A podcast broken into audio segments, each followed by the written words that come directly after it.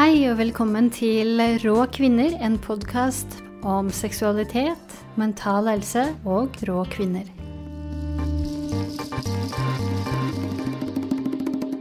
Hei og velkommen til en ny episode. Mitt navn er Elise Ein. Og i dag skal vi diskutere yogaens eh, virkning på mental helse. Og derfor så har jeg med meg Jannike Strand i studio.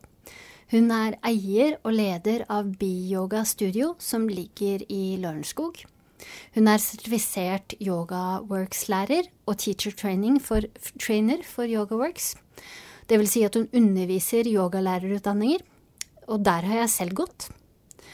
Og hun er mentor i et mentorship-program. Dr. Kaustub Deshikashar er veileder for Jannikes Biyoga og dr. Kaustub er sønn av TKV Deshikashar, som igjen er sønn av den moderne yogaens far, Krishnamacharya. Så hit til biyoga, hvor vi nå sitter, så kommer det altså gode lærere og yogastudenter hele tiden. Men akkurat nå har det vært stille i gangene. Hvordan har du takla det, Jannike? Så fin introduksjon. Takk, Elise. Vær så god. det var veldig hyggelig. Jeg var ikke klar for Eller jeg var ikke klar over at du skulle introdusere meg, så jeg tenkte bare eh, når du gjorde det nå, så bare Å, ja, det var hyggelig. Ja. ja, hvordan har det gått? Jeg tenker jo um, Det er jo nok akkurat likt for meg som det det er for alle bedriftseiere.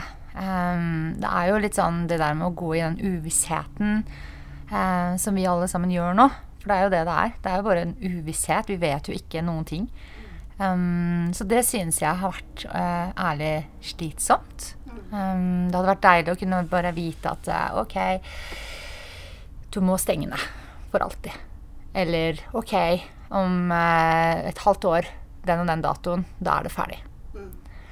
Men jeg tror, og det tror jeg egentlig også alle de som er på denne spirituelle reisen eh, og er i yogaverden, vil si at fy flate, jeg har måttet lære at det er jo egentlig ingenting som er for sikkert. Alt er i forandring hele tiden, og man kan ikke holde fast i noen ting. Noe som du også husker fra filosofien. No attachment. Mm. Vi kan ikke klinge oss til noen ting. Mm. Nei. Men har du eh, kommet opp med noen eh, nye ideer i løpet av eh, ja. ja. Det er jo gjerne sånn. Ja, ja, det er det. Jeg har faktisk hørt at eh, Og det er egentlig litt morsomt. Det er så mange eh, nyregistrering av firmaer nå. Eh, så det er jo mange gründervirksomheter som driver og dukker opp nå. Og det er jo det mange ser også i f.eks. når man går i permisjon med barn. Veldig mange som er i permisjon med barn også plutselig starter opp uh, disse gründertankene og, uh, og, virksomheter. Og det syns jeg Det er jo det at man plutselig får tid, ikke sant? Mm. Så ja, jeg, har, jeg, driver faktisk med en yogalærerutdanning. Um, og setter den sammen med en forsker og biolog um, som er også yogalærer. Men hun er jo veldig vitenskapelig opptatt også.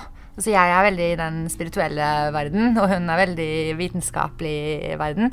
Men har nå også blitt veldig i, i, den spirituelle verden, så det er veldig interessant. Det er en bra match. Veldig kul match. uh, men vi lager en uh, meditasjon og yoga nidra-utdanning. Um, som både kommer til å være online og um, i person. Altså, ja. Så det driver jeg med. Og så har jeg også, eh, som er godt i gang, en online yogaside eh, som har kommet i gang. Eh, og ikke minst da studio har jo blitt pussa opp i denne tiden. Så vi har jo, som du så når du kom, eh, vi har jo doblet eh, lokalet. Um, og det hadde jo ikke, hadde det ikke vært for pandemien, så hadde jo ikke disse Og det har jo vært en drøm siden egentlig jeg åpnet her, var jo å gjøre det her. Men jeg hadde ikke muligheten og tiden. Men nå har jeg hatt tid. Ja. Men nå har jeg ikke mer penger, da. Nei, men nå er det gjort. nå er det gjort. Ja. men nå er det bare helt skrapa. Herregud. Ja, vi får håpe at det åpner opp igjen snart. Ja. ja. Uh, men uh, ja, når starta du opp uh, Bioga? 2015.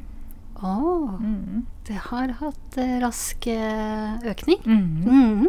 Ja, det gikk veldig fort. Men husk at vi ligger jo Hvor er det du dro fra nå? Jeg dro fra Veitvet, der jeg bor. Ja. Mm. Hvor lang tid brukte du Kjører du bil? Ja, Ja, ti minutter. Ikke sant? Mm. Så vi ligger jo liksom, Når folk hører Lørenskog, så tenker de liksom å, Hutiheita, liksom. Men det er jo Det ligger så sentralt. Det ligger midt i krysset, egentlig. Um, så både Oslo Vi har masse medlemmer fra Oslo. Lillestrøm, Jessheim. Så bra, men da skulle det jo være sånn, da. At, Da skulle eh, det være ja. sånn, da. Det var meant to be. Ja. Ja. Meant to be be. Ja. det var det faktisk. Ja. Uh, ja um, kan ikke du fortelle om hvordan du begynte med yogareisa? Si det, du. Ja. Ja. Det er gjerne en sånn litt sånn stor historie, men Ja, det- jeg tenkte lang historie kort. Så. Ja. Um, um, det var egentlig en veldig interessant reise. For jeg hadde et litt eh, turbulent uh, liv. Um, og har alltid vært en sånn searcher. Jeg er født og oppvokst med en mamma som er uh, chakra og steiner og um, healing og reiki og hadde sånne pyramider-greier oppe i alle hjørner og hadde alltid liksom smykke på meg når jeg var liten som skulle beskytte meg. Og Men jeg syntes jo det var bare teit mm. da. Um, og skulle gå mine egne veier. Men jeg utforska på en måte kanskje litt hardt òg. for jeg gikk litt sånn inn i rusmiljøet òg. Um, og var søkende, om man skal si det sånn. Og så kom jeg inn i mm, stylistbransjen, eh, frisør. Jeg jobba i London som stylist der, og frisør. Eh, og alt var altså med mote og fashion og TV og eh, Ja. Og det var kjempegøy, men alltid så var det liksom eh, Se og bli sett, og ikke minst også veldig mye rus. Um, og alt var kult. Um, så jeg ble mer og mer sliten. Jeg merka at det var ikke Jeg, altså jeg at det tappa meg mer enn Altså, jeg hadde det gøy, ja, men jeg ble hele tida så sliten. Uh, og så til slutt så kollapsa kroppen min, så jeg måtte omskolere meg. Og så kom jeg inn i Valgte jeg da design og reklame. Uh, og eh, kom inn i den bransjen, og der var det jo samme opplegg igjen. Så tydeligvis så liksom merka jeg at eh, hva er det jeg driver med her? Eh, og så gikk jeg da, hver dag så gikk jeg forbi en sånn yogastudio. Mm, som eh, der jeg, like ved der jeg bodde. Med da sånne herlige mennesker som alle var så glad og fornøyd hele tiden. Eh, og det var et yogastudio, men det var sånne tibetianske munker. Og de var så fine, alle var så glad hele tiden. Jeg tenkte, hva er det for noe med de? hva er det med de der? Um, og det var den tiden som eh, Madonna kom fram. At mm. hun eh, Det var i 2001. Mhm. um, rundt 2000-2001. Som det var veldig liksom, Hun hadde den røde Ja, ja. Eh, Kabbala-merket. Mm. Mhm. Uh, og jeg syns jo Madonna var så kul. Så jeg bare OK, yoga. Jeg må sjekke ut yoga. Og så kom jeg dit. Husker jeg det kosta eh, 400 kroner for nybegynnerkurs. Og det var seks ganger. Eh, og så var det videregående kurs. Det var 200 kroner, og da kunne du gå så lenge du ville. Men det som skjedde, var jo at jeg faktisk Når jeg kom dit, så kjente jeg den fullstendige følelsen av å komme hjem. Altså, jeg følte virkelig at det bare Nå Herregud. Og jeg hadde aldri behov for rus etter det. Ja. Det var sånn, som en sånn bryter. Det var som en bryter. Mhm. Det var som å komme hjem. Jeg bare Herregud. Og jeg husker mamma, for da hadde jeg ikke sett mamma på seks måneder. Når jeg hadde vært eh, gått der en stund, og jeg skulle møte henne på en kafé, og hun bare passerte meg. Og det var veldig interessant. Hun bare gikk forbi meg, og jeg hadde ikke gjort noe som ikke håret mitt eller noen ting. Og hun sier til meg bare Eller jeg bare roper jo 'mamma', sier jeg. Og hun snur seg og sier 'Jannicke, hva har skjedd?' Det er det første sier. 'Jannicke, hva har skjedd?' Og jeg sier bare 'Hva mener du?' Jeg skjønner ikke hva du mener. Så sier hun 'Nei, du er helt forandra'. Hele deg. Hva er det for noe? Og så sa jeg jeg har begynt på yoga. Hvor er det? Give it to me. Ja, give it to me. Så hun gikk og meldte seg inn der med en gang etterpå. Ja.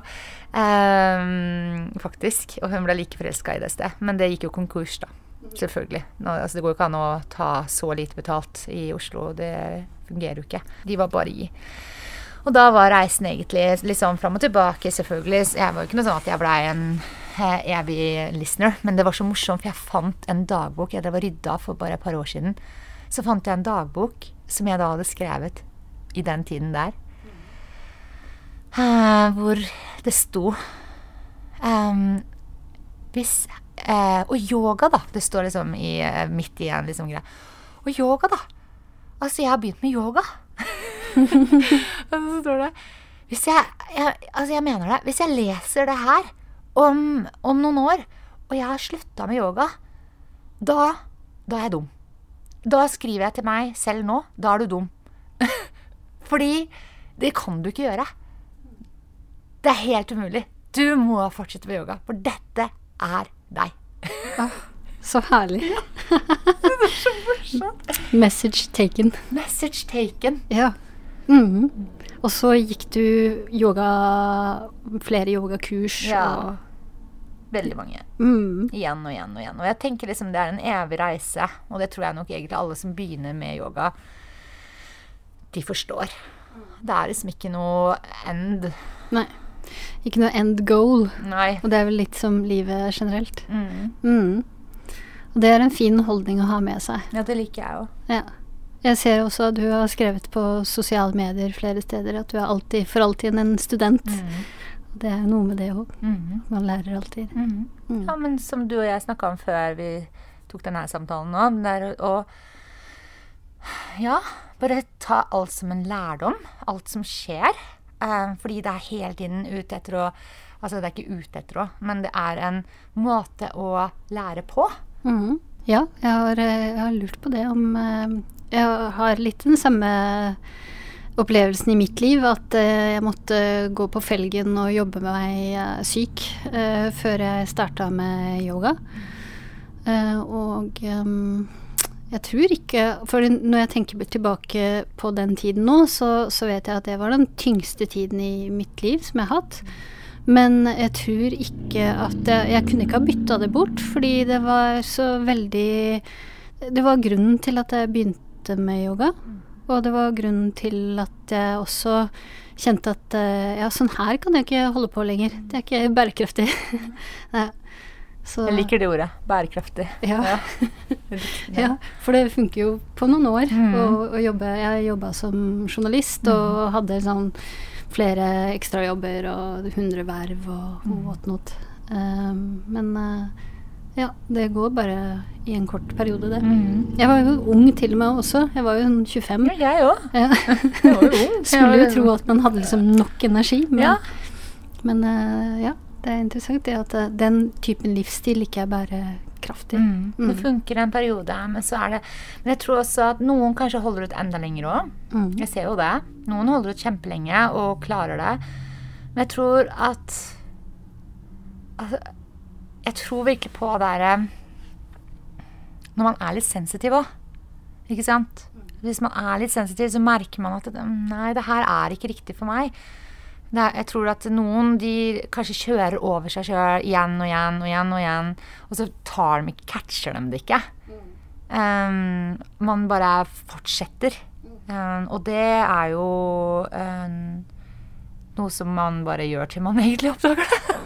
man kan ikke Og det kan være liksom Jeg kan jo si har, Jeg har jo en venninne som jeg fortalte deg, uh, som er uh, veldig høyt utdanna. Eh, og alt har handla egentlig om prestisje. Eh, og gjøre det bra. Igjen og igjen og igjen og igjen. Hva enn hun gjør, hver gang så er det liksom klatre litt høyere. Og nå har hun høy, nådd så høyt. Eh, og det hun Hun er veldig nå liksom søken til yoga. Hun har forstått at dette er noe hun må. Eh, hun har forstått det veldig. Jeg har jo prøvd det i mange mange år. Jeg har kjent henne eh, lenge. Eh, helt siden før dette her, for å si det sånn.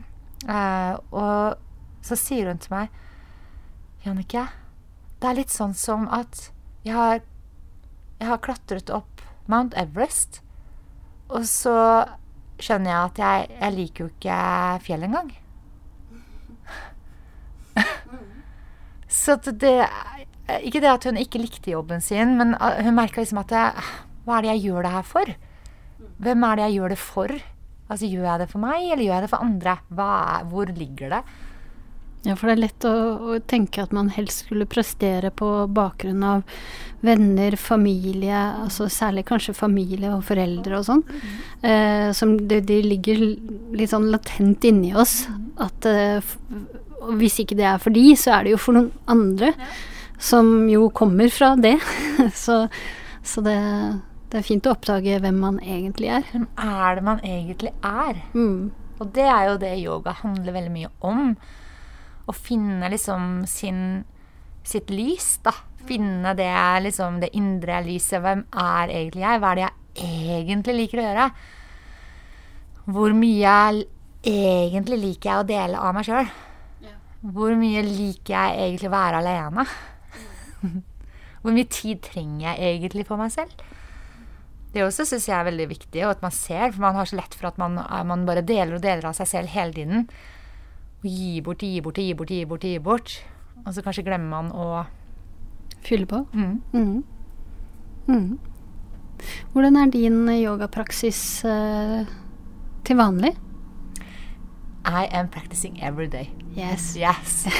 Practice every day. That's for meg så Men det tror jeg er litt sånn kult. Når du har praktisert en stund yoga, så skjønner du at det er ikke alltid det handler om at du må gjøre den fysiske eh, yogaen i en evighetspraksis. Eh, det handler om bare den tiden du setter av til deg sjøl. Om det så er pusteøvelser. Om det så er et mantra, for de som eh, vet hva det er. Um, om det er å egentlig bare studere, lese. Filosofi. Kanskje jeg liksom dykker inn den veien der. Eller kanskje plutselig en dag så har du alle tingene. Og det er helt fantastisk. Mm. Jeg mediterer hver dag. Ja. Det går jeg ikke fra. For det er liksom, ofte så er det sånn at i kroppen min bare Jeg har kanskje vondt overalt. Jeg har vondt i nakke, skuldre, rygg, alt mulig. Garantert av noen følelsesmessige saker. Eh, og da er det beste for meg er meditasjon. Og da kan jeg både ligge, sitte Det kan jeg aldri komme unna. Men, uh, har du noen tips til uh, hvordan man kan komme seg inn i rytmen av å gjøre denne praksisen hver dag? Mm -hmm. Det har jeg. Men akkurat det jeg sa egentlig nå. At man legger bort alle kanskje må eller bør eller Og alle de kravene man kanskje har tendens til å sette på seg selv. At det må være sånn eller sånn. Um, jeg er veldig fan av den der bare å kanskje lukke øynene. Og til og med hvis man har mulighet, da, og man orker Jeg håper alle kan bare ta seg tid til det. Vi er så heldige her i Norge og har så mye natur. Å kunne bare gå etter skogen. Og bare sitte ute i skogen, eller bare gå stille. Bare høre seg selv, se på beina når du går i naturen.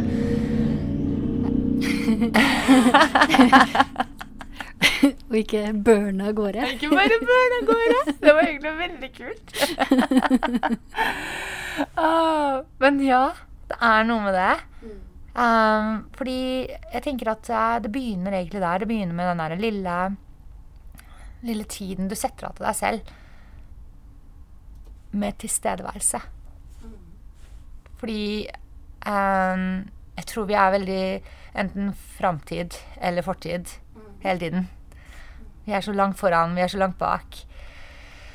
Og den, den derre tanken om at vi må få gjort det, og vi må få gjort det og gjort det, og så skal liksom kanskje meditasjon eller asana på matten At det er enda en ting du må få gjort. Det er jo ikke noe Da blir du ikke noe Nei. bærekraftig. Mm, mm. Nei. Man må gjøre det fordi at uh, man tenker at det skal være noe jeg Godt. Ja. Mm. Som jeg sa til deg i stad, at jeg helt siden mine barn har uh, kunnet egentlig Det var litt vanskelig når de var babyer, da. Ja. ja, det er klart. Det litt, da, da, lå de ved siden av meg, og jeg måtte ordne og styre. Men jeg har egentlig De har, de har alltid visst at når jeg har yoga på min matte, så er det mamma sin tid. og de kan gjerne være i samme rom som meg. Eh, men da skal de på en måte la mamma få lov til å være i fred. Mm. Eh, det skal være alvorlig. Ikke alvorlig, men altså det skal være veldig veldig viktig eh, før de skal ta liksom stoppe meg. For jeg syns det er viktig. Altså, det, er, det er faktisk noe jeg brenner for å formidle. Det er så ufattelig viktig. Det å stoppe opp. Mm.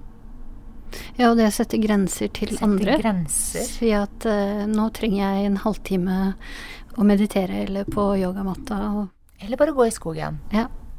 Eller bare sitte og lese en bok. Mm. Ja, men jeg mener det. Til og med det. Bare ta og bare Nei, nå leser jeg denne boka. ja. Det vil jeg gjøre. Mm. Jeg kan se for meg at det kan være utfordrende hvis man er vant til å tenke at man hele tida skal være der for andre Ja. og serve andre. For jeg også gjør jo det. Og jeg, men det, jeg gikk på en smell. Mm. En skikkelig, skikkelig smell. Og det var jo til og med etter at jeg hadde begynt med yogapraksisen min. Eh, midt i Det er kanskje eh, åtte år siden eller noe sånt nå. Det var da jeg virkelig, virkelig begynte å Nei, ti år siden eller noe. Shit. Shit. Tida flyr. Eh, som jeg virkelig begynte å dykke inn i yogapraksisen. Og det var Da gikk jeg virkelig på snørra. Og det var fordi jeg bare ville dele, dele, dele, dele. dele. Mm. Jeg ville bare gi av min positivitet, min eh, liksom sånn glede med livet. Folk så det. Og det ville jo andre ha. Så de liksom alltid kom til meg hvis det var noe, alltid eh, ville ha råd, eller alltid ville Ja. Og det gjaldt jo både familie, venner, eh, kollegaer. Og jeg blei en sånn som alltid delte. Og så glemte jeg helt Nei. Mm. Og det er ikke Det er ikke greit. Nei. Nei, det, man må dele av sitt uh, overskudd, sier uh, kjæresten min. Mm. Det syns jeg er et uh, godt ordtak. Mm. Men enda så klarte jeg jo å sette av tiden min til yoga. Og jeg hadde den timen, men det er bare en time. Mm. Det er jo egentlig ikke nok. Hvis man har Altså, det, altså jeg håper nå er jo ikke alle kanskje sånn som meg, da. Noen blir jo nære av å bare være sånn hele tiden. Jeg er usikker. Merker du at jeg er litt sånn eh, Jeg, jeg har prata med noen, skjønner du, om akkurat det her. Og det der med å fordi, for jeg, vi hadde diskusjon, da. Ja, men Jannicke, jeg liker å dele.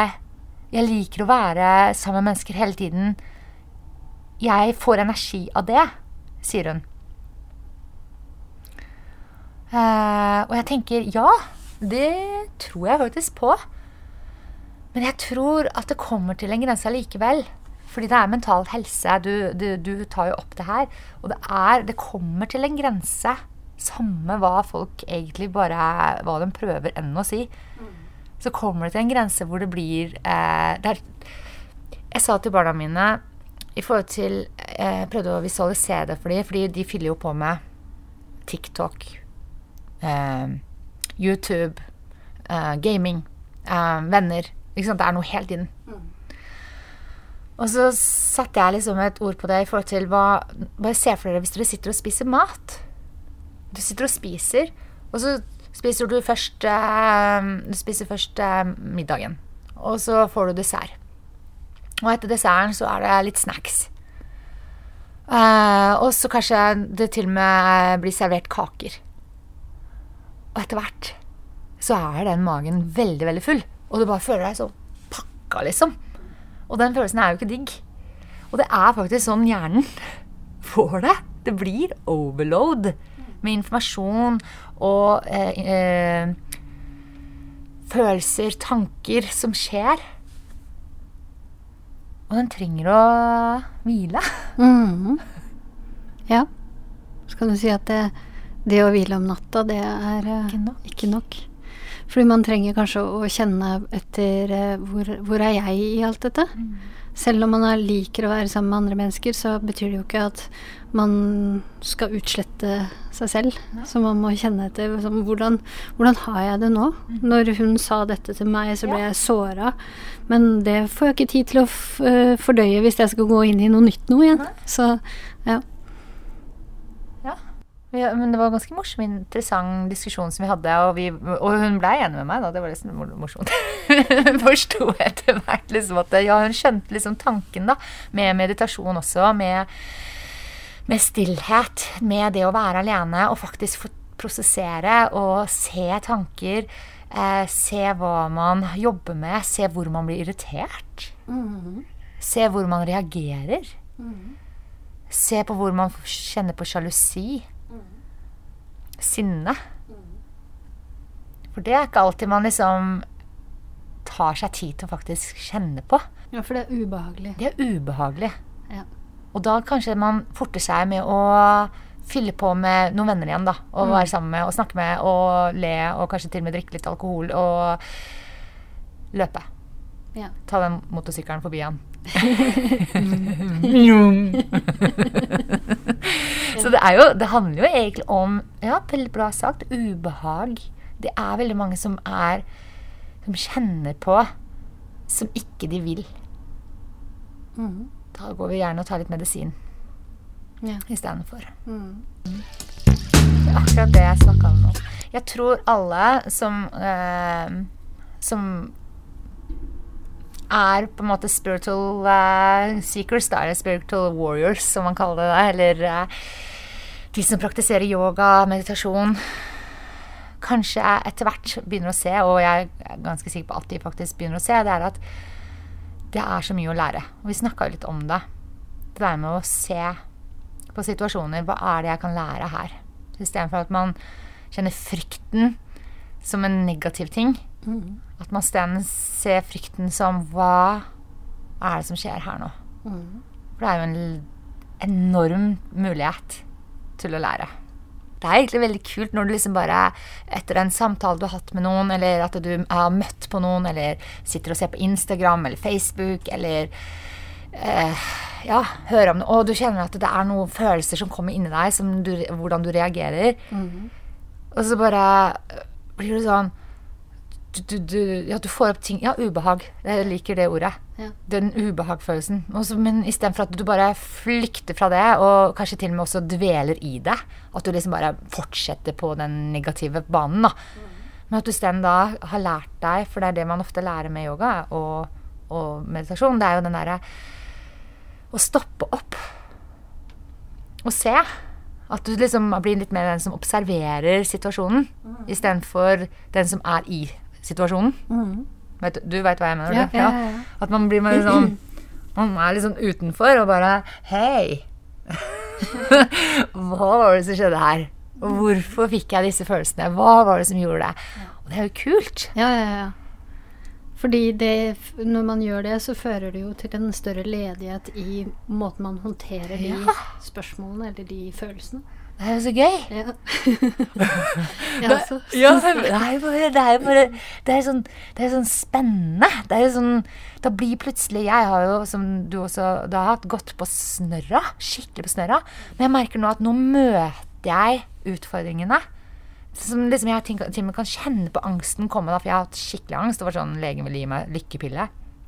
Um, fordi jeg var så langt nede. Uh, hvor jeg skjønte at nei, men jeg må bare begynne med mer yoga.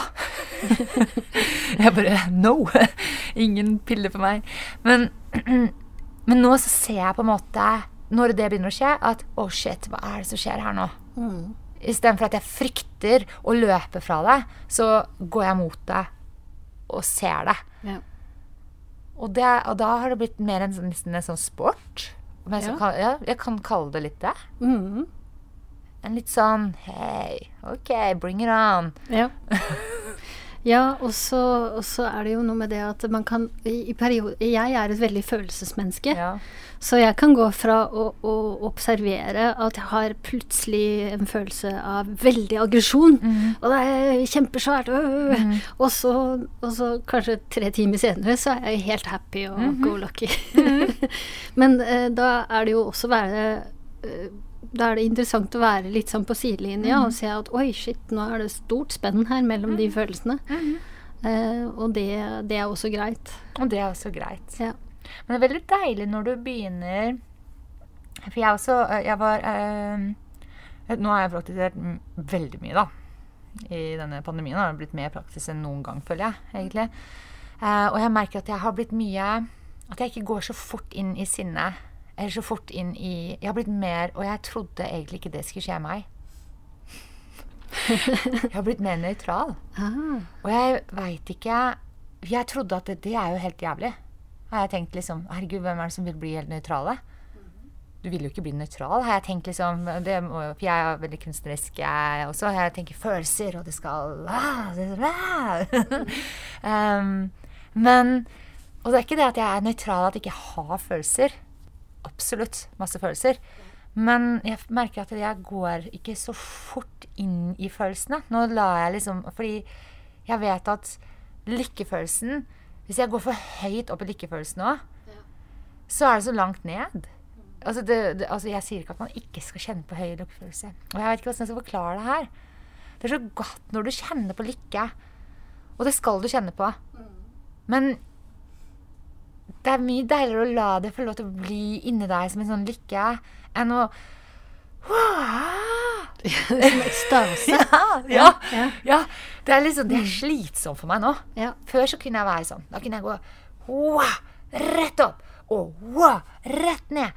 Og inn i sinnet og inn i det.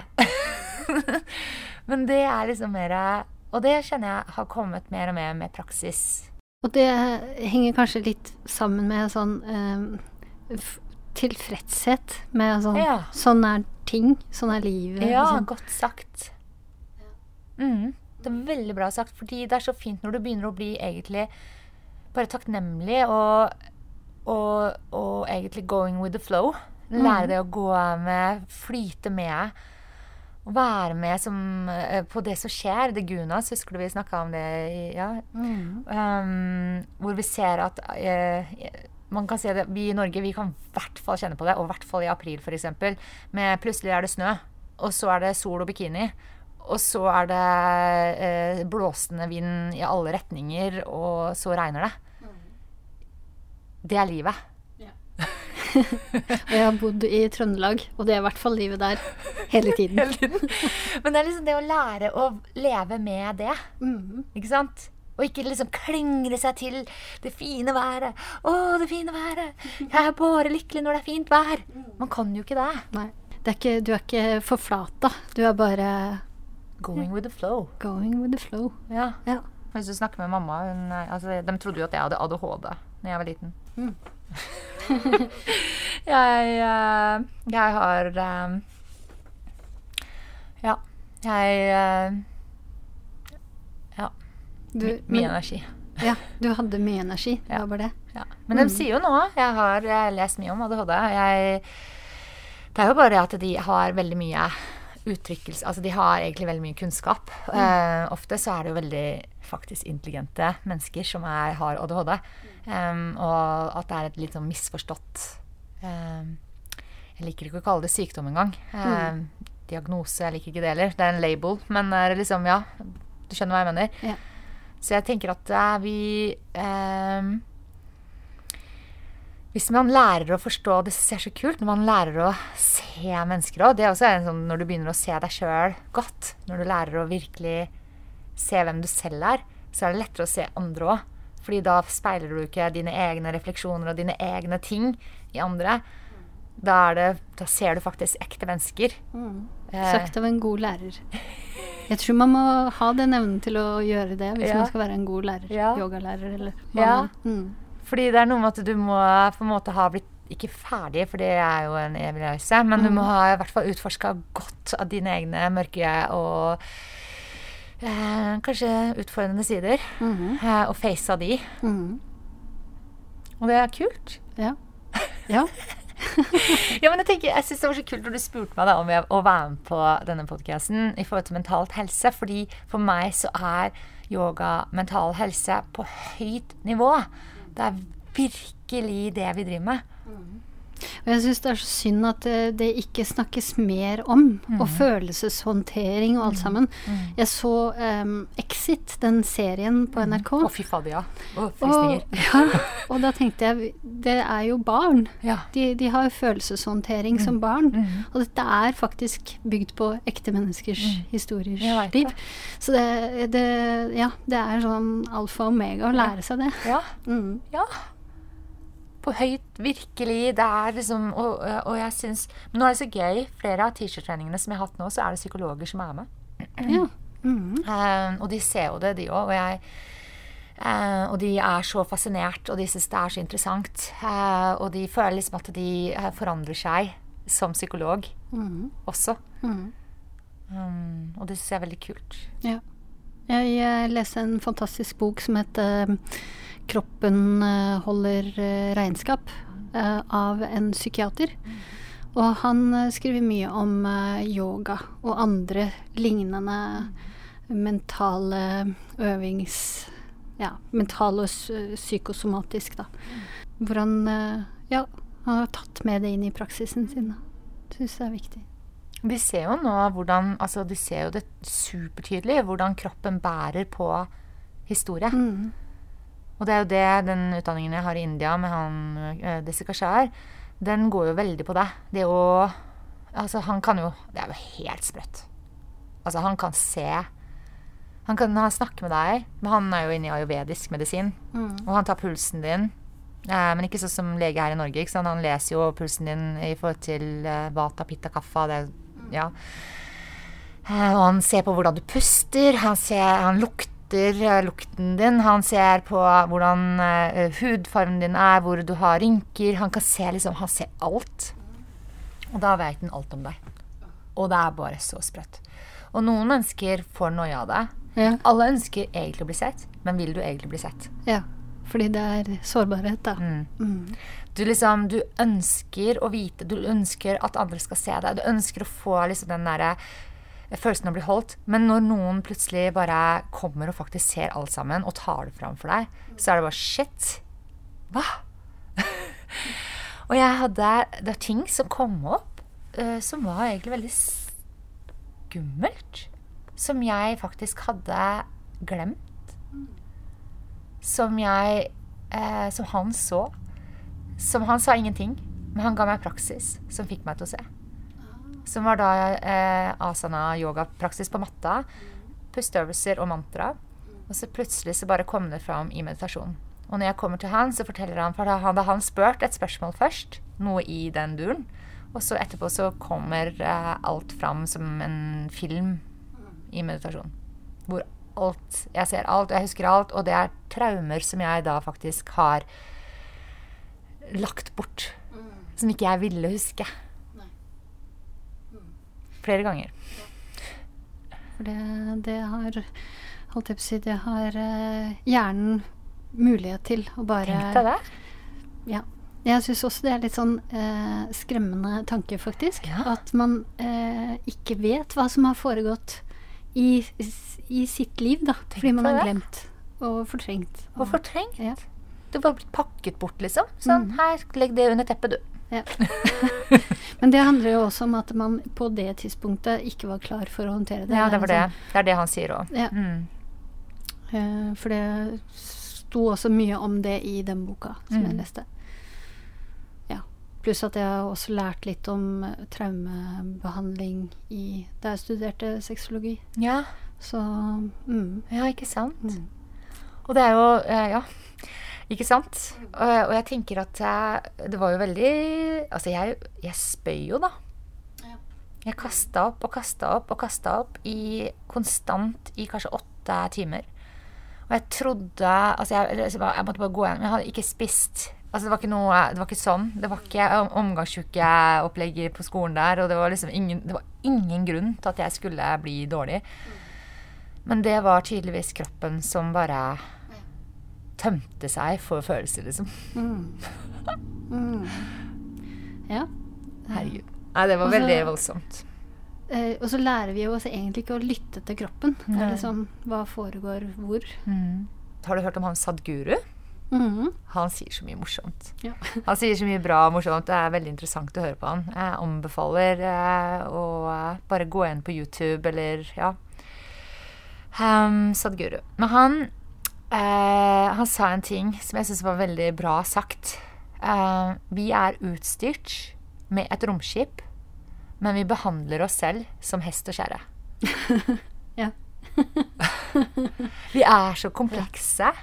Vi er så ufattelig til fingerspissen. Bokstavelig talt. Vi har så mye sanser helt ut i fingerspissene våre. Det er derfor vi har disse håndmudrene, ikke sant? Uh, som er så fantastiske, de òg. Eh, og de ser jo det nå, de har jo forska på det. Liksom, at dette her er faktisk det er noe som skjer. Um, huden vår, altså hvor sansene vi er. Lukt, mm, smak.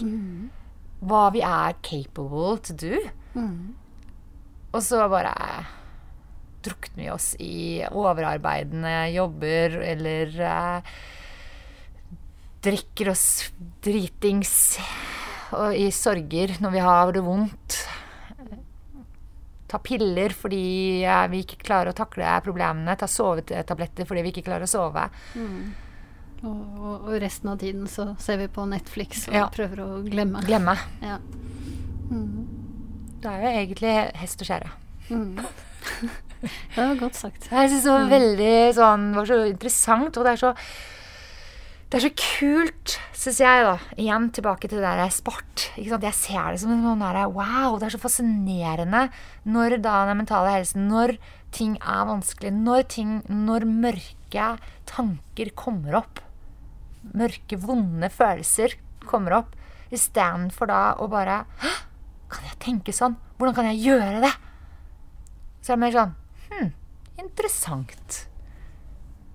Hva skjedde her? Ja. Ja og, jeg tror også det gjør at man eh, connecter mer med andre. fordi når man ser at andre egentlig har de samme følelsene som jeg har Ja. men jeg, har jo, jeg sitter jo også med sinne eller, Ja. eller en skam eller en, en, en sjalusi eller hva det Ja. enn er. Så vil du kunne ta det, ta det inn og liksom lære å kjenne det på det åssen det er sjøl. Og så kan du kjenne det igjen i andre òg. Og, og akseptere det. Og akseptere. Mm. Og jeg veit jo at du snakker om seksualitet. Ja. Jeg må ærlig innrømme at eh, kjæresten min og jeg, Mm. på grunn av den ærligheten Å snakke om følelser, de som litt, det som er litt vondt, det som er litt vanskelig, det har gjort at vi har et mye bedre sexliv òg. Ja. Altså, ja, det? det er klart. Ja. Fordi det gjør at jeg kan si at Vet du hva Hele kroppen min verker nå av følelser. Jeg har vondt overalt. Det eneste jeg trenger nå, er bare å bli holdt. Ikke at du grabber meg på puppa eller, eller rumpa nå, liksom. Jeg trenger den følelsen av å bare bli holdt. Og det samme kan han gjøre. Han kan si bare vet du hva, jeg trenger bare at vi ligger inntil hverandre. Men jeg syns det er så fint. Når man tør å være åpen med seg sjøl, så tror jeg det er lettere også å være åpen med andre. Det begynner alltid med seg sjøl. Ja, ja. Og nå fikk jeg sånn flashback tilbake til da jeg var 16, 17, 18, 19. Jeg syntes det var så flaut å snakke eh, under sex og etter sex, og snakke i det hele tatt. Det var bare sånn Nei, det, hvis det var noe, så fikk det bare gå seg til. eh, så det, det Og det her tror jeg det er mange som til og med er i voksen alder. Ja. Som bare, og det er derfor jeg tror også det er mange som faktisk egentlig, i hvert fall spesielt jenter, som ikke er engang eh, kanskje setter pris på sex så mye, fordi de ikke får sagt ifra hva de egentlig kanskje likte. Ja. De tenker liksom at ja, ja, det er sånn det skal være. Ja. Eller så dropper de å ha sex i det hele tatt. ja. At de ikke engang har sex med mannen sin eller kona si eller eh, kjæresten sin eller partneren sin. Mm.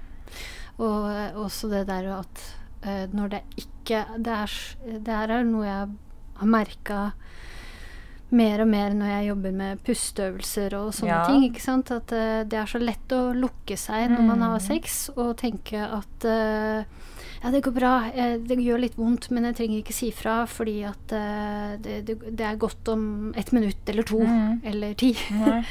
Og da lukker man jo av Ja, for en sånn følsomhet Ja. som kunne vært veldig bra og fantastisk. Mhm. Altså, jeg sex og samliv og kjærlighet Det er jo absolutt en spirituell reise. Mm. Ja. Folk og verden begynner nå å åpne seg mer og mer. Tantra er jo ikke så rart mer. Mm. Eh, flere og flere har hørt om det òg. Jeg tenker Tantra er jo to forskjellige Altså, jeg har jo tantra-yoga, mm. og så er det tantra eh, Sex er jo på en måte litt min, altså det er en, en liten del av forhold til sånn tantra-yoga. Den Ja, veien, ja. Mhm. Men jeg syns det, det er så fint da hvordan verden egentlig sakte, men sikkert nå åpner seg mer og mer. Til at det er ikke så tabu mer. Det er ikke så veldig mye mer som er så tabu. Mhm. Eller er det det? Nei, eh, ja, jeg føler jo at sex og, og traumer kanskje er fortsatt litt eh, tabu. Ja, Men det er jo egentlig derfor jeg snakker om det òg. Ja, ja men jeg veit. Ja. Men jeg syns det er så fint at du gjør det. Jeg ble så glad når, du, når jeg liksom ja, begynte å følge deg. Jeg syns det er så kult. For jeg tror veldig på at ja, hvis det er noen som begynner bare å snakke om det, og være, ikke er redd for å snakke om det, så tror jeg liksom at flere blir bare Å, shit. Jeg husker jo Jeg må bare fortelle. For jeg husker Det var ikke jeg som gjorde det, men vi hadde barselgruppe. Eh, og så eh, var det sånn at vi var hjemme hos hverandre med babysene. Mm, eh, og da var det sånn annenhver gang hvor vi var hjemme hos hverandre. Og hver gang vi var hjemme hos hverandre, så var det sånn før da de kom, da var det nirydding. Og det skulle være strøket, for du visste jo at babyene skulle ligge på gulvet. Og du kunne ikke ha sånne mopper som ligger og dro opp. Altså. og, da var det liksom sånn alle bare, og, og, og det skulle være perfekt, og du hadde jo laget lunsj, og det var sånn mm. Og så var det en som plutselig bare sa Vet du hva, jeg orker ikke å ha hos meg. Og så sier jeg hva er det som skjer? Nei, vet du hva, det der er at jeg må rydde, og at alt må være så perfekt når dere kommer sånn. Jeg, jeg klarer det ikke. Og det var bare sånn Det var sånn, det var så, det var sånn at det, for alle som var, Vi var fem stykker. Og det var sånn at det, var som en stein som datt av fra oss alle sammen. Hvor vi bare Å! Ja! Fader, det er jo så slitsomt. Jeg veit. Her føler du det òg. og jeg tror veldig på det der med å tørre å si Å tørre å snakke. Så plutselig så er det ikke så skummelt mer. Mhm. Du må se en serie som går på Netflix nå. By the way, Netflix. Ja, apropos. Apropos Netflix. Den, og den er altså så feel good, egentlig. Veldig kommersiell, men samtidig ikke. Den er så bra, og den handler om journal eller journalister. -hmm. uh, The Bold Type. Jeg har ikke hørt Nei, det må du se. For det handler om egentlig disse uh, Det er et sånn magasin. Og de er jo da fire, nei, tre jenter, og de har tre forskjellige roller i dette magasinet. Den ene er journalist, den andre er stylist, og den tredje er sosiale medier-ansvarlig. Men i hvert fall De er så rett ut om alt. Og snakker om alt. Alt fra eh, sopp i underlivet. ja. Ja. Eh, til sex. Til eh, ting som er vanskelig eh, å snakke om kanskje i sex. Til eh, plutselig eh, at hun ene skal operere bort puppene sine for hun er redd for å få eh, kreft. Hun har en sykdom. Og, og det gjør Jeg er så glad for at en, sånne serier trender nå. Mm. På grunn av akkurat det. Ja. Fordi de gjør det kult, da. Mm. Å være litt sånn rett fram. Ja. Ja. Ja, jeg har, jeg har møtt flere sånne på min vei, jeg også, som har, har turt å være åpen om seksualitet, f.eks. Og jeg sitter og på det tidspunktet følte meg så flau og syntes dette var så rart å snakke om. Men det var også litt sånn fint at hun turte. eh, Men jeg turte ikke, jeg bare var helt stille. Og nå så er jeg jo helt eh, Nå er jeg jo på den andre siden av bordet. Så det er fint. Jeg må fortelle hun uh, om akkurat det, om seksualitet. Og for hun fortalte da i denne serien at du må bare se den. Uh, for hun ene, hun som er sosiale medier-ansvarlig, uh, hun er da um, lesbisk. Og hun har da eh, vært det da en liten stund, og er det fortsatt. Men så finner hun ut at hun også liker menn. Eh, plutselig. Og så møter hun en fyr, og han Han lurte plutselig på om hun kunne ha strap-on. Hvor hun bare Hva? Hva? Hva skjedde her nå? Skal jeg ha strap-on på deg?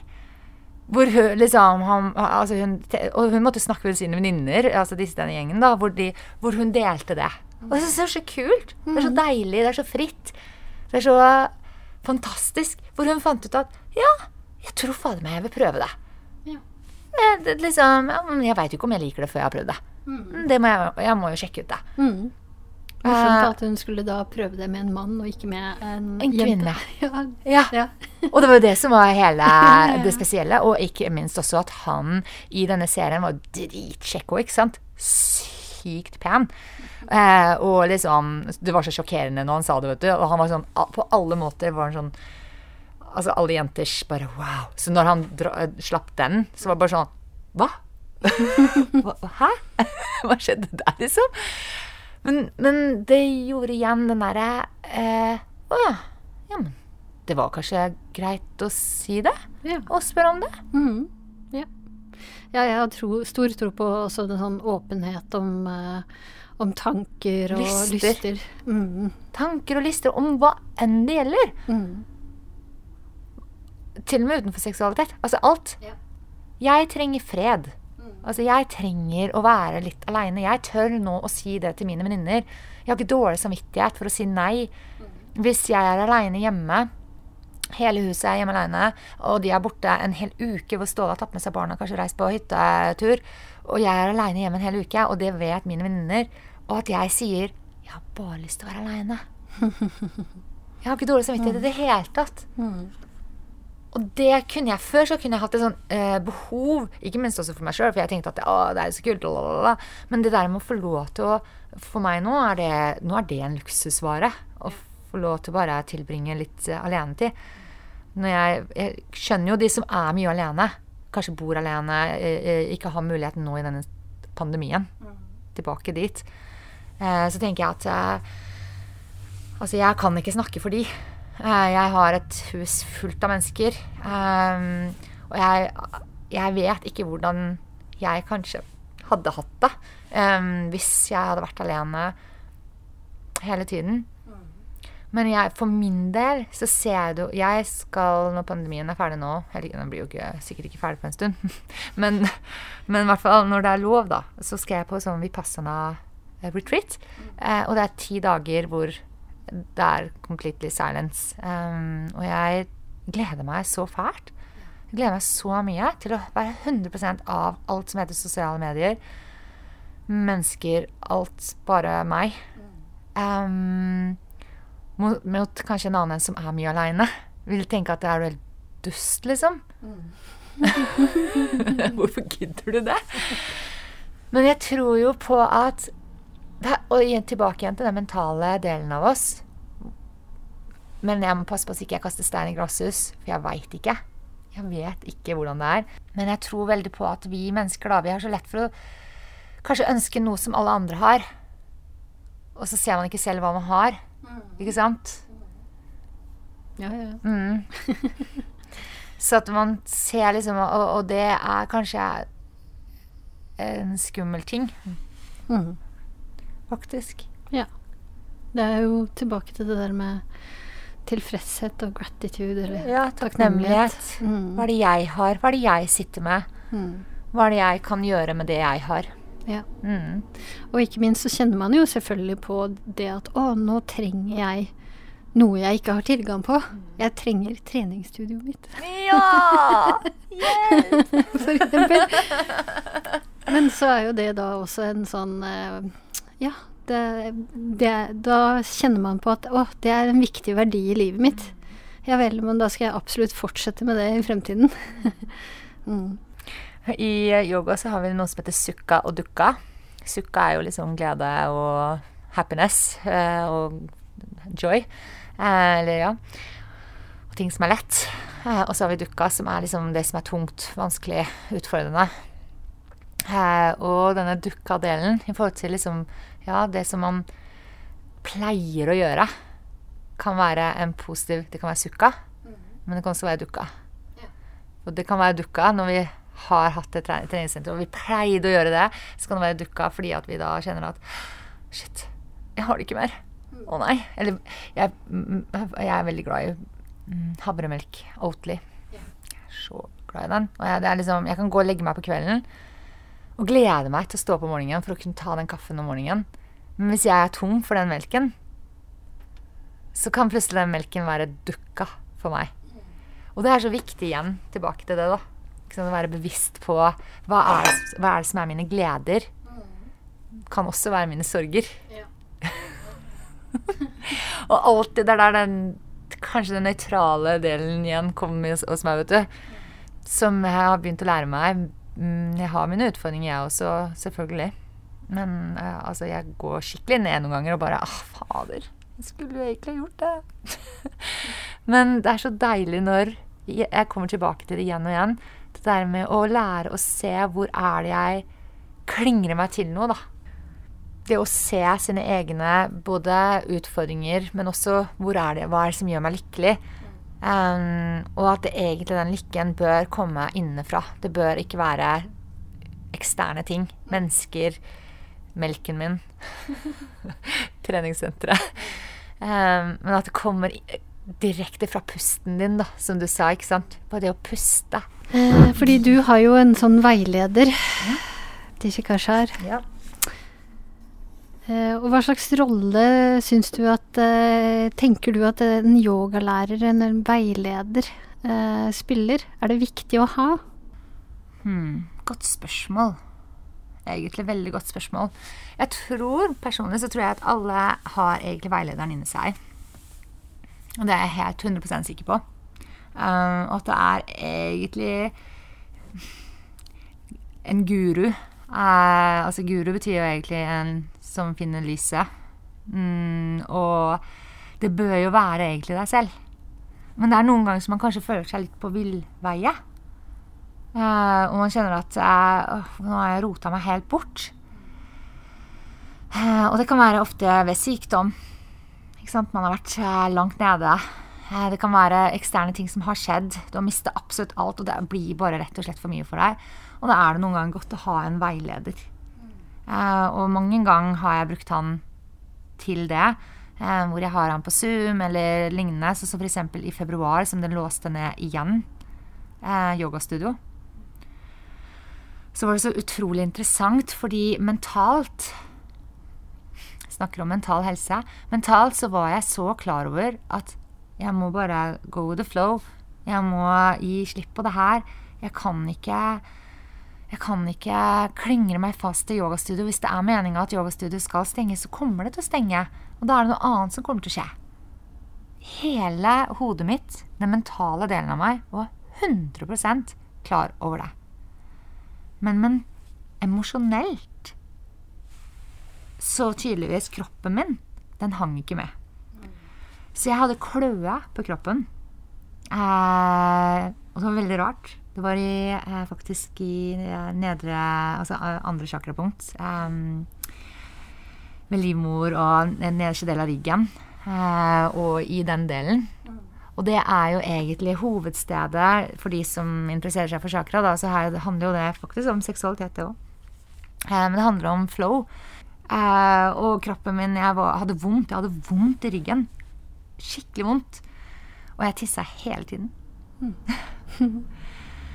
en annen person ville kanskje ikke jeg tenkt på å snakke med en spirituell guide med det. Jeg hadde kanskje gått til legen ikke sant? og lurt på hva er dette her, og kanskje fått noe medisin til å smøre på, eller whatever. Men jeg skjønte jo at her er det noe mer. Uh, så jeg Lang historie kort på det. Så sier jo han da jeg gir meg praksis, og så skal jeg da meditere. For han forsto jo det her med en gang. Det handla om da at kroppen min ikke ville gi slipp. Mm. For jeg hadde så mye emosjonelle følelser til det stedet her. ikke sant? Det er sånn som når du har mistet noen i dødsfall, da. Ikke sant? Mentalt så forstår du at du må gå videre. Men emosjonelt så gråter du igjen og igjen når du kanskje hører en sang, eller kanskje kjøre forbi et sted som du har noen minner, ikke sant, som kroppen liksom reagerer. Kroppen reagerer. Um, det, og det går forbi all forstand i den mentale delen, fordi du klarer ikke å holde det igjen engang. Um, og det jeg fikk av han da, var en praksis eh, med forskjellige ting. Og så fikk jeg da praksis med at jeg skal meditere på rennende vann. Vann bekk. Ikke rennende vann fra springen. så du må gå ut og meditere? Jeg skulle helst jeg skulle jeg jo det, men det her var jo februar. Mm. Så jeg hadde jo ikke helt uh, muligheten til det. Men da skulle jeg mentalt visualisere det. Uh, det jeg gjorde for at jeg skulle lettere klare å mentalt visualisere det, var at jeg også satt på Vi er jo så heldige som har Spotify. med alle mulige uh, sånne soundtracks. Um, og det hjalp. Det hjalp så mye. Denne kløe forsvant. vondtingen forsvant. Det var ganske interessant.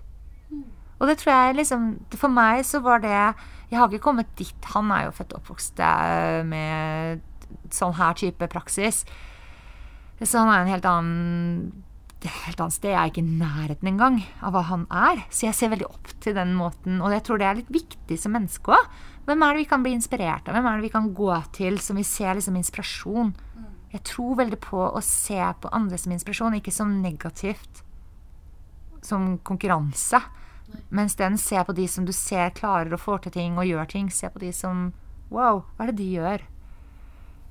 Hva er det han gjør, eller hun gjør? Mm. Så ja, han er uh, uvurderlig. Jeg tror veldig på mentor. Å ha en mentor tror jeg er veldig lurt. Å komme til å snakke med.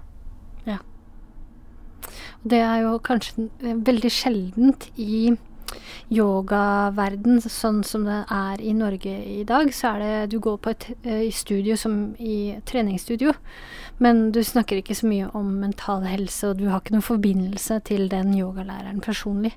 Så det er jo noe med det å uh, finne de miljøene, de stedene, som man kan ha den forbindelsen. Helt enig. Mm. Det er veldig stor forskjell. Men jeg, eh, det er mange som har spurt meg liksom, ja, hva syns du om yoga på treningssenter. Sånn. Ja, jeg støtter det 150% Jeg syns det er så flott at det finnes. Mm. For det gjør terskelen kanskje jeg eh, Eller mattekanten har jeg funnet ut at det er mye bedre. mattekanten er lavere. Um, til å komme på en yogamatte når det er på treningssenteret, og at de kanskje ikke snakker om så veldig mye sånne ting som vi snakker om nå heller. Eh, fordi det vekker noe, samme hva. Mm. Så er det en, en, vei inn hvor du uh, begynner å liksom kjenne at shit, hva er det her? Ja. Og så er det, er det i gang. Mm. Så har læreren mulighet Jeg jobber jo på Sats, ikke ja. sant. Så har læreren mulighet til å putte inn litt sånn litt, litt grann så her og der. Ja, elsker det. Jeg er utdanna jeg, jeg, jeg, underviste jo på treningssenter før jeg åpna her. Ja. Mm. Mm. Jeg elska det. Jeg syns det var så kult, fordi akkurat det som du sier, jeg sådde sånne små frø mm. uten at jeg visste det. Jeg infiltrerte. ja, men så er det noe med det jeg gjør terskelen lavere for å komme på yoga, og det er ikke sånn rart og Nei. skremmende lenger å ligge med rumpa i været. Det er litt sånn flaut første Nei. gangen. Ja. og puste og bare ja. når, når, læreren liksom ber ham bare lukke opp munnen og bare Bæ, ut med tunga, bare what? ja, ja, ja. Jeg kan huske første gangen jeg Da jeg begynte på yoga, så hadde jeg en, uh, jobba som journalist, og eh, daglig lederen eh, på TV-en der sa sånn Å, har du begynt med yoga? Er du en sånn en? Ja. ja. Er nå er det jo det ti år siden, da. Ja. Så nå er det jo flere sånne. jeg eh, fikk den faktisk i fjor. Som jeg var og skulle kjøpe en salat på eh, Jeg kjøper veldig ofte salat eh, på et, eh, et, sted eh, her i Lørenskog. Hvor jeg da liksom kom ofte tilbake igjen og igjen og igjen. Så spurte hun liksom Ja, jeg ser deg veldig ofte på dagtida. Jobber du her eller i nærheten? Så sier jeg ja, jeg jobber eh, oppe der. Jeg har et yogastudio. Yogastudio? Ja, jeg jobber som yogalærer. Er du yogalærer? du ser ikke ut som en yogalærer. Ah, ja. Interessant. Hvordan ser en yogalærer ut? Ja, det var det jeg tenkte bare hmm. Så ser jeg bare hmm, så jeg, ja, Vet du hva, jeg, jeg syns det var egentlig kult du sa, sa jeg. Fordi jeg er veldig nysgjerrig på hvordan er det egentlig en yogalærer ser ut. Uh, nei, jeg veit egentlig ikke. Men jeg så i hvert fall ikke sånn som deg. Mm. du, du, ser litt mer sånn vanlig. ja, nettopp. ja, men vi Det er jo vanlige folk. Det er jo faktisk vanlige folk. Jeg har jo en som er med på tirsdagstrening nå, som, er, eh, som jobber høyt oppe i politiet. Mm. Eh, og jeg har eh, eh, eh, kirurger. eh, altså i, som jobber på sykehus. Eh, psykologer. Um, og fysioterapeuter og ja, alle altså i helsevesenet, om man skal si det. Advokater. Så det er virkelig Altså, det kommet i alle yrker, og det er alle mulige mennesker. Mm. Ja. Og det er kult. ja, det er Nå skal vi kult. bare få sånn seksualitet eh, i samme Mm. For det syns jeg er skikkelig viktig. Ja. Enig. Sykt viktig. Ja. Men jeg tror egentlig veldig mange faktisk som begynner med yoga, opplever at de også får bedre sex. Mm. Fordi de da begynner å lære å kjenne. Mm. De begynner å lære å puste. Ja. Ikke minst. Og på matta så lærer man jo også da å kjenne etter ulike steder av kroppen, og så Ja. ta med seg den inn i sex. Ikke Ja. sant? Ja. Skal jeg fortelle deg når jeg føda? Mm. Det var ganske kult. Førstemann, da var er jo eh, Første han er jo 18 nå. Eh, så det er jo en stund siden. Da var jeg veldig tidlig i yogapraksisen min. Så da var jeg liksom ikke så god på det her. så da var det sånn at jeg løpte Altså, jeg rømte jo, og jeg bare Hva er det her for noe? Mens eh, med nummer to eh, Det er jo 13 år siden. Og da var jeg veldig inn i yogapraksis. Og veldig inn i det å lære, eller utforske, da, mer. Um, lang historie kort. Så faktisk eh, bare 15 minutter etter at jeg hadde føda, så sier jeg jeg vil gjøre det en gang til. Det var bare så Det var så sjukt kult. Det var så Det var så ekte, så rått, så fantastisk, så Wow! Mm. Fy fader, hva denne kroppen her kan gjøre. Ja. Og det å tørre å kjenne på alle de følelsene som kom i løpet av den fødselen. Mm. Og hun ene jordmora mi hun henta jo tre til, så det var liksom, de var fire stykker som bare sto og så på. Eh, og de bare har, Det er så morsomt, for jeg har jo film, da. Eh, Ståle filma liksom, Han fikk ikke lov meg å filme selve prosessen, men jeg ville at han skulle liksom eh, ha, ha filmen allikevel. Eh, Så han filma liksom litt sånn imellom. Og da var de Det er så morsomt, jeg hørte faktisk her om dagen, skjønner du var derfor jeg sa det. For jeg hørte de jordmødrene, de bare De var liksom sånn Dette er sånn det skal gjøres. Ah. Dette var så kult. Altså, de opplevde det her så fantastisk. De følte liksom at de eh, altså, de, de Jeg trengte jo egentlig ikke det, men jeg, visste- jeg syntes det var veldig deilig å ha, dem, å ha henne der. Mm. Det, var veldig, det er liksom den der, Du visste at hun var der, eh, men at jeg gjorde jo alt selv. ja. Basert på hva du kjente at kroppen trengte. ja. Mm. Mm. Jeg var med på de bølgene som Mm. kom hele tiden. Jeg rei liksom på det. Og det er bare sånn, jeg, var faktisk, jeg er faktisk lei meg. Jeg husker jeg begynte å gråte når jeg så den filmen. Når jeg og så det forrige uke, faktisk. Så satt jeg og gråt. Og bare At ikke jeg skal oppleve det der en gang til. Fordi jeg har bestemt meg for at jeg, det er Nå er jeg for gammel. Og, Ja. det, den opplevelsen av å bare kjenne på eh, magen vokse, og at det er faktisk et Altså, herregud! Jeg kan bære et liv! Mm. Det er jo helt, snakker om det der romskipet tilbake til Ansad Guru, liksom. Det er jo et romskip. Mm. Det er jo helt crazy. Mm. Og når jeg ser på de to barna nå, liksom jeg, bare, jeg kan jo se på dem i hjel. Hvor jeg bare Herregud, jeg har lagd disse barna her, liksom. Har liksom det har kommet, de har kommet ut av meg. Mm. Det er jo helt amazing. Ja. Følg med i neste episode. Da skal jeg snakke med en eh, dominatrix om hvordan kvinner kan bli bedre til å dominere i senga.